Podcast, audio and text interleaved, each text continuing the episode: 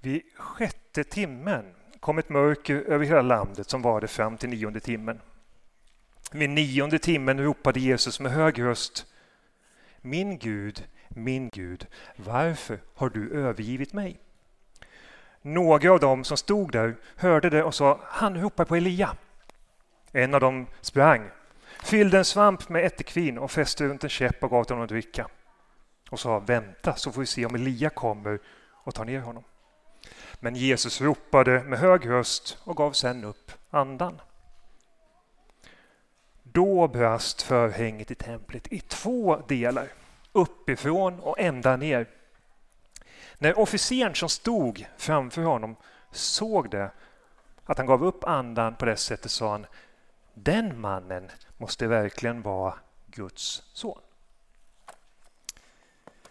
God morgon, ja, Johan heter jag och eh, har du inte träffat mig sedan tidigare så har jag varit med i den här församlingen sedan 2002. Det är 20 år sedan jag kom hit. Det är mitt andliga hem, det är min församling. Jag och min hustru är vigda av en av församlingens pastorer. Våra tre barn blev som små välsignade in i gemenskapen. Och det är den plats där, där vi tillsammans har tillbringat många stunder vi allt ifrån, som idag, gudstjänst till barnarbete, till styrelse som Kim nämnde och mycket annat. Immanuel är hemma. Och därför är det gott att se er som också känner att Immanuel är hemma. Eller dig som är här och hälsar på i detta hem. Idag är det dock en annan uppgift att stå inför. Det är tredje gången detta sker. Greta rättade mig senast. Jag hade möjlighet att vara med för ett år sedan och predika när vi hade en serie på fästblicken på Jesus. Då sa jag att det var första gången. Greta kom efteråt och sa nej, det var gång nummer två Johan. Så att, eh, om allt annat i den predikan var rätt så hade, hade jag ett litet fel. Men det har vi korrigerat nu. Och eh, möjligheten är då för mig att avsluta den serie som gått under rubriken Så stor är min Gud. Spännande, utmanande och just att temat är så stort och brett har gjort att eh, det har varit olika predikningar. Jag vet inte om du har haft möjlighet att lyssna på plats eller om du har lyssnat i efterhand. Har du inte gjort det så gör det. Jag tror att det är värt tiden. Jag tror att du kommer uppleva välsignelse och ta del av de olika förkunnelser som har kommit från, som Kim säger, vanliga medlemmar, vi som inte gör detta i vanliga fall. När jag satte mig ner i onsdag och skulle börja förbereda mig för gudstjänsten, för predikan, så blev mitt val att utgå från en händelse i Bibeln som är beskriven av, i alla evangelier. Den är välkänd. Vi alla, tror jag, som sitter här idag har hört de här orden eller läst de här orden vid något tillfälle.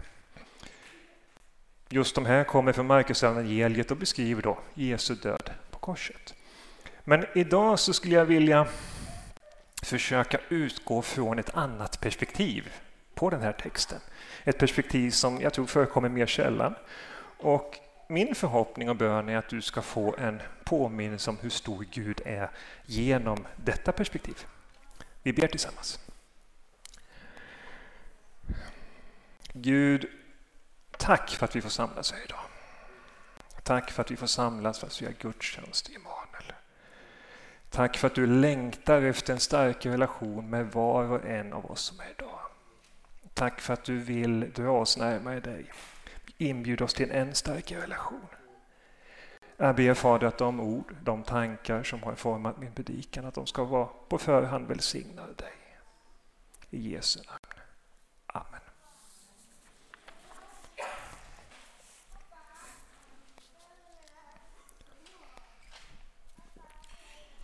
Jag tror att vi alla flesta som är här idag är väl bekanta med vad som har hänt. Jesus är förrådd. Han förs inför Pilatus av översteprästerna. Han döms till döden och vi får följa de här stegen mot hans avrättning. Och när vi kommer in de här sista orden jag läste från, från Markus evangeliet så möter vi en, en person, en befälhavare, en officer. Han var centurion. Och vad var det? Jo, en centurion, det var den romerska arméns disciplin, deras ryggrad. Han var befälhavare över ett 80-tal soldater. Och eh, för att kunna bli centurion så tittar man på deras förmåga att leda andra, men också villigheten att kämpa in i det sista. Vägen för att komma hit var oftast lång. Många tillbringade 15 år i armén innan det skedde. Och för att komma i åtanke för att få detta steg, att bli befordrad till centurion, så tittar man på storleken. Man tittar på styrkan. Man tittar på skickligheten med vapen. Men också krävde man att ska du komma hit och leda de andra, då ska du kunna läsa. Det var någonting som de allra flesta soldater strävade efter att bli, men väldigt få blev. Det var den högsta militära position som var möjlig för de som kom in som soldater från början. De tillbringade i vanliga fall 26 års tid i armén. Det var committet man skrev på när man gick in i armén vid denna tidpunkt. Och en centurion, de var väldigt utsatta. Det var de första som kom till slagfältet och de var de sista som lämnade. Dödligheten var den högsta inom armén vid denna tidpunkt. Det var ett hedersfullt uppdrag, så såg man på det. Men det var ingen glamorös vardag. Såväl slagfält som vardagen i någon av de provinser som Rom styrde vid den här tidpunkten var tuffa miljöer. Uppgiften var enkel. Se till att hålla ordning, se till att vår lag, Roms lag, är upprättad och bibehållen i det ockuperade området. De var omgivna av människor som hatade dem. De var omgivna av människor som hatade allt som Rom stod för. Och när tillfälle gavs så gjorde de uppror. Lokalbefolkningen försökte slänga ut romarna som de föraktade så. Men få om några lyckades med detta. Och ett straff som man använde för att återställa ordningen, det var korsfästelsen. Korsfästelsen var någonting som perserna hade infört 600 år tidigare. Och det handlar inte om att döda en människa, utan det handlar om att förnedra, plåga inför allas åsyn och avskräcka omgivningen för att begå samma misstag. Ofta hängde man upp den dömde på en tvärslå och sen upp på en pelare, på en påle. Man fäste handlederna på denna tvärslå. Och eh, vad hände? Jo, eftersom händerna var utsträckta, armarna var utsträckta, så slutade det med att personen inte längre kunde andas. Man kvävde sig själv. Det var ett fruktansvärt straff och romarna de, de tillämpade flitigt. Men eftersom det var så fruktansvärt så var det vid tre tillfällen man gjorde detta. Två av dem var uppror och förräderi. Och det var ett straff som var så avskyvärt sett av romarna själva så att en romersk medborgare, nej, de kunde man inte utsätta för denna förnedring. På väg till platsen för korsfästelsen fick den dömde ofta bära sitt eget kors. Och det som väntade sen var en plågsam död. Många gånger så hängde personen levandes i flera dagar på detta kors. Och därefter lät romarna kvarlevorna hänga kvar. De blev mat till fåglar och skadedjur. Det var ingen ädel död, det var den totala förnedringen. Och man valde oftast att genomföra korsfästelsen på en plats där många människor passerade. Ingången till staden eller på någon hög kulle som gjorde att det syntes. För det man ville det var att sända ett budskap. För människorna som passerar här varje dag skulle se det här skådespelet, detta fruktansvärda skådespel. Och den som eventuellt övervägde att göra samma sak skulle titta, rysa till och inse att ja, men till och med mitt miserabla liv, det är bättre än att hänga på detta kors. Det var en varning man ville uppnå. Men det var också ett sätt för romarna att driva med dem som önskar ett annat styre än det romerska. Jaha min vän, du vill komma högre upp? Hmm. Ironin i frågan är jättetydlig. Korset var inte bara en förnedring eller varning till de som såg det utan lika mycket att göra parodi på vad den här personen som han korsfäste ville uppnå egentligen. Vi lyfter upp dig över alla andra vi sätter dig på ett kors. Det fanns en djup symbolik i detta. Och Pilatus han befallde att man skulle skriva judarnas konung på ett anslag som han satte ovanför Jesus. Översteprästerna de protesterar. och sa nej, det tycker vi inte. Eh, det är Jesus som har sagt att han är kungen. Det är inte vi som har sagt att han är judarnas konung. Pilatus lär ha svarat, vad jag skrivit, det har jag faktiskt skrivit. Och för att göra det här extra tydligt, extra förnedrande, så skrev man det på hebreiska, grekiska och latin. Och budskapet från Pilatus var jättetydligt, inte bara till Jesus själv, inte bara till det judiska folket, utan hela världen som såg detta. Detta är vad vi anser om er. Kejsaren är överlägsen alla lokala gudar. Så för att sammanfatta lite. Korsfästelsen det var förnedring. Det var en varning till omgivningen och en djup parodi av det som den korsfäste haft eftersträvat. Och därtill, för de troende, fanns det också den teologiska aspekten. Och när Jesus hängde där på korset så var alla medvetna om detta. De romerska soldaterna, de gråtandes kvinnorna som vi läser om i Markus och de andra människorna som befann sig där vid kullen, men även lärjungarna som hade låst in sig. De var medvetna om korsets betydelse. Och för de troende så var det detta inte det som skulle ske. Det fanns inte med i deras planer. Och mitt i allt detta så står denna befälhavare, denna centurion. Han hade troligtvis varit med under hela dagen. Domen, färden till kullen och sen avrättningen. Men även långt innan dess. Han och hans soldaters uppgift var att hålla ordning i en liten provins som var fylld med människor som enligt romarna hade löjliga religiösa idéer och ambitioner. Och återkommande gjorde detta folk uppror, gång på gång på gång. Med en extrem längtan efter självständighet. Ett extremt hat gentemot judarna, eller gentemot romarna.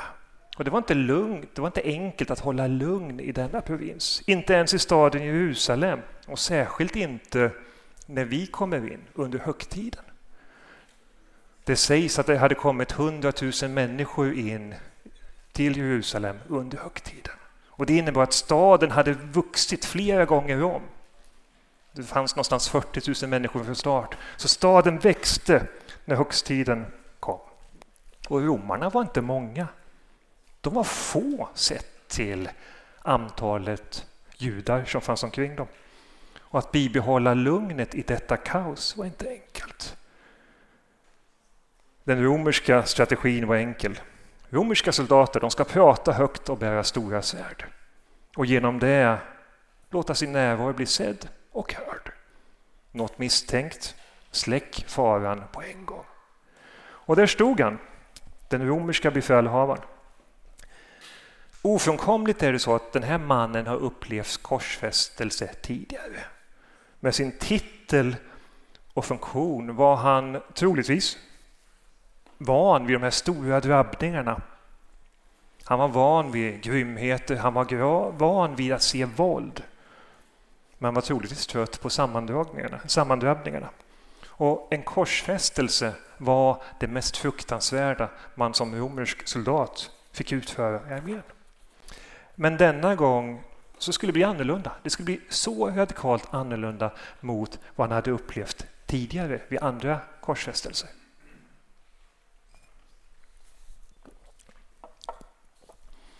För det hade börjat på fredagsmorgonen vid fästningen. En stor grupp människor hade samlats. Och det var snabbt uppenbart att de var ute efter den kände läraren, profeten som han sa, Jesus från Galileen. Man hade fångat honom och översteprästerna ville se honom dömd till döden. De mötte ståthållaren utanför byggnaden för man, enligt den judiska traditionen så fick man inte gå in i ett hus som tillhörde en icke-jude under högtiden. Och Pilatus som vi vet, han verkar inte uppskatta det här samtalet. Han konstaterar gång på gång på gång att jag ser inga skäl till att hålla den här mannen fången.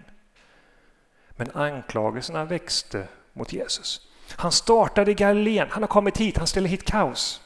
Det var ingen trevlig samling människor som stod inför ståthållaren.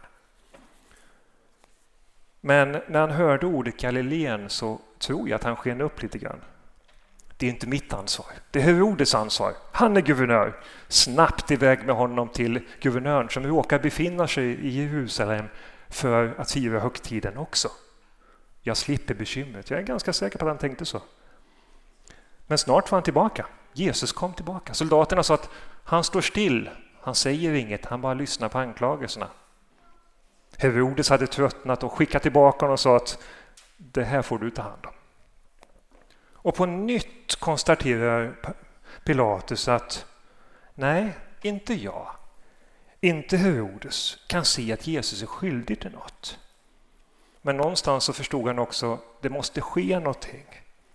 Det måste till någonting för att folkmassan som står här ska bli nöjda. Det måste till någon form av bestraffning. Han gav order om att han skulle piskas. Jesus skulle få 40 slag. Till skillnad från många andra så kom det inga tårar utan han tog emot de 40 slagen i tysthet.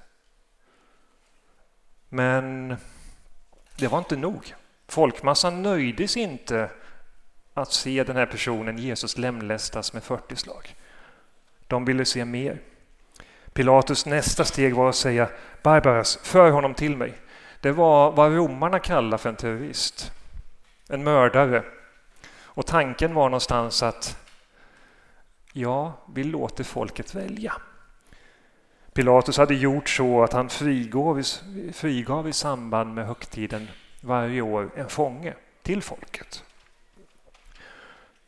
Och han var ganska trygg i, tror vi, att folkmassan skulle vilja benåda Jesus och inte den notoriska mördaren Barbaras. Men vad händer? Till sin chock så hör han folkmassan ta upp rop om benådning, inte för Jesus vars enda straff var förkunnelse, utan för Barbaras.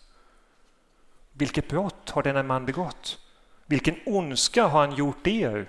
frågar då Pilatus gentemot folkmassan och översteprästerna. Det kom inget svar. Det kom rop om korsfäst honom, korsfäst honom, korsfäst honom.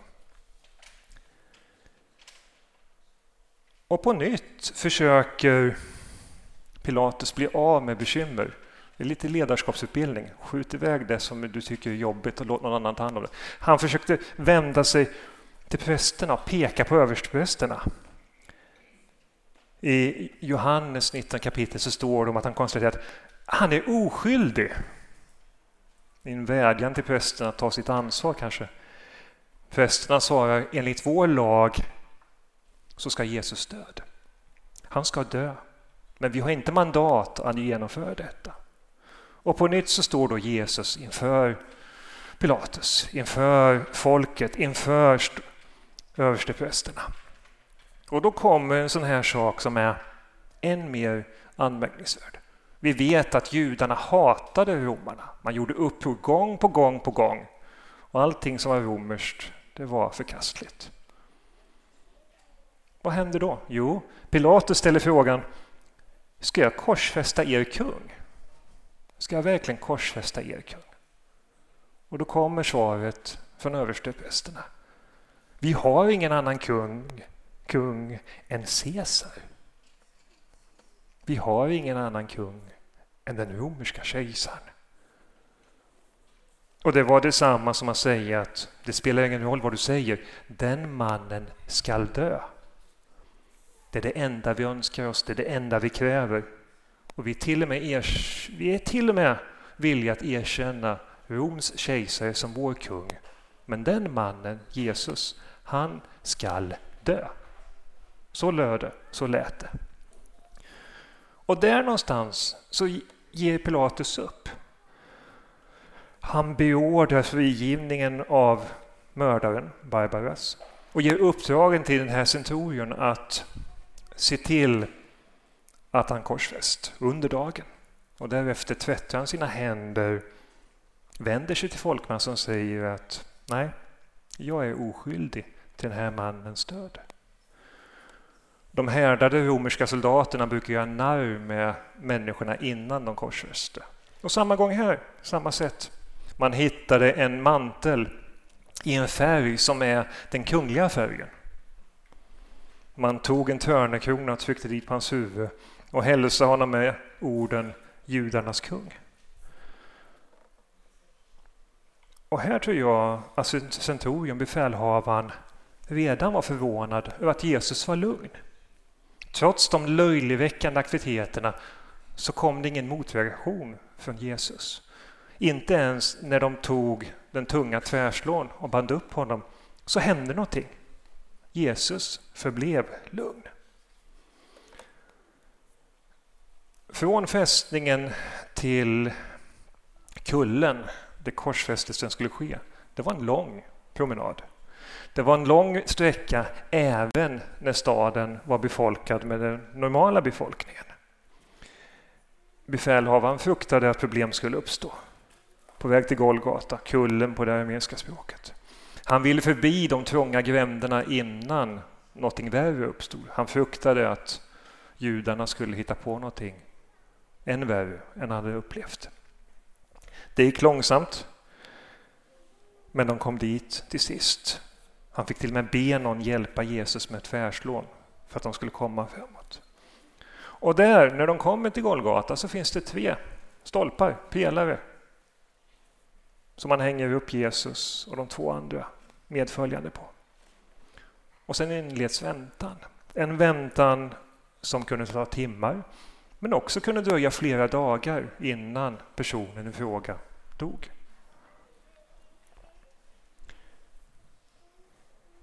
Soldaterna delade upp kläderna och eh, inledde sin väntan. Men aldrig tidigare hade centurion sett en korsfäst bete sig på det sätt som Jesus gjorde eller bli utsatt för det som Jesus blev utsatt för. Många i folkmassan häcklade honom grovt. Andra låg på sina knän och grät inför korset. De som var riktigt, riktigt utmanande sa Men om du är den du säger att du är, så kom ner från korset. Det här var inte hans första avrättning. Långt därifrån. Han var van att se den dömde kämpa in i det sista för sitt liv. För att undkomma straffet. Han var van att höra den korsdömde uttala förbannelser mot honom och mot de som var omgivna, befann sig i omgivningen. Men denna gång var det annorlunda. Väldigt annorlunda. Han blev chockerad över Jesus ord. Han blev chockerad över den kärleksfulla blick. Vad säger han? Det var inga förbannelser som kom från Jesus. Han säger Fader, förlåt dem. Mannen som blivit utsatt för det mest fruktansvärda straff som fanns vid denna tidpunkt, han ber sin far förlåta de som har gjort detta. Befälhavaren ser hur Jesus vänder sin blick mot sin mor. Och slutligen, nästan lika illa det, han vänder sig mot en av de andra som hänger bredvid honom och säger de magiska orden som han uppfattar det. Det var så annorlunda. Så, så annorlunda. Jesus var extraordinärt och helt avvikande mot allt annat befälhavaren hade upplevt tidigare. Strax efter att solen skymdes blev det tyst och därefter skakade jorden så som en jordbävning. Rädda människor, mängder började springa och i det ögonblicket tittar denna man, denna befälhavare, denna centurion upp emot korset och han uttalar sig utifrån den insikt han gjort under denna dag. Av de händelser som har passerat framför honom. Han säger sannerligen, denna man måste vara Guds son. Denna man måste vara Guds son. Och då måste man på något sätt se in i den kontext han befinner sig i med den bakgrund han har som soldat som befälhavare. Och då blir de här orden kanske ännu större, för mig i alla fall. Med allt den som den här personen bär med sig i sitt bagage så är de här orden häpnadsväckande. Det är en kapitulation inför det som utspelar sig inför honom under den här dagen. Och ännu har inte själva uppståndelsen, den som vi firar, ägt rum. Utan, ta mig rätt, man har kommit till korsfästelsen. Man ser Jesus död. Och där kommer orden. När centurion kapitulerar och säger sannerligen, denna man måste vara Guds son.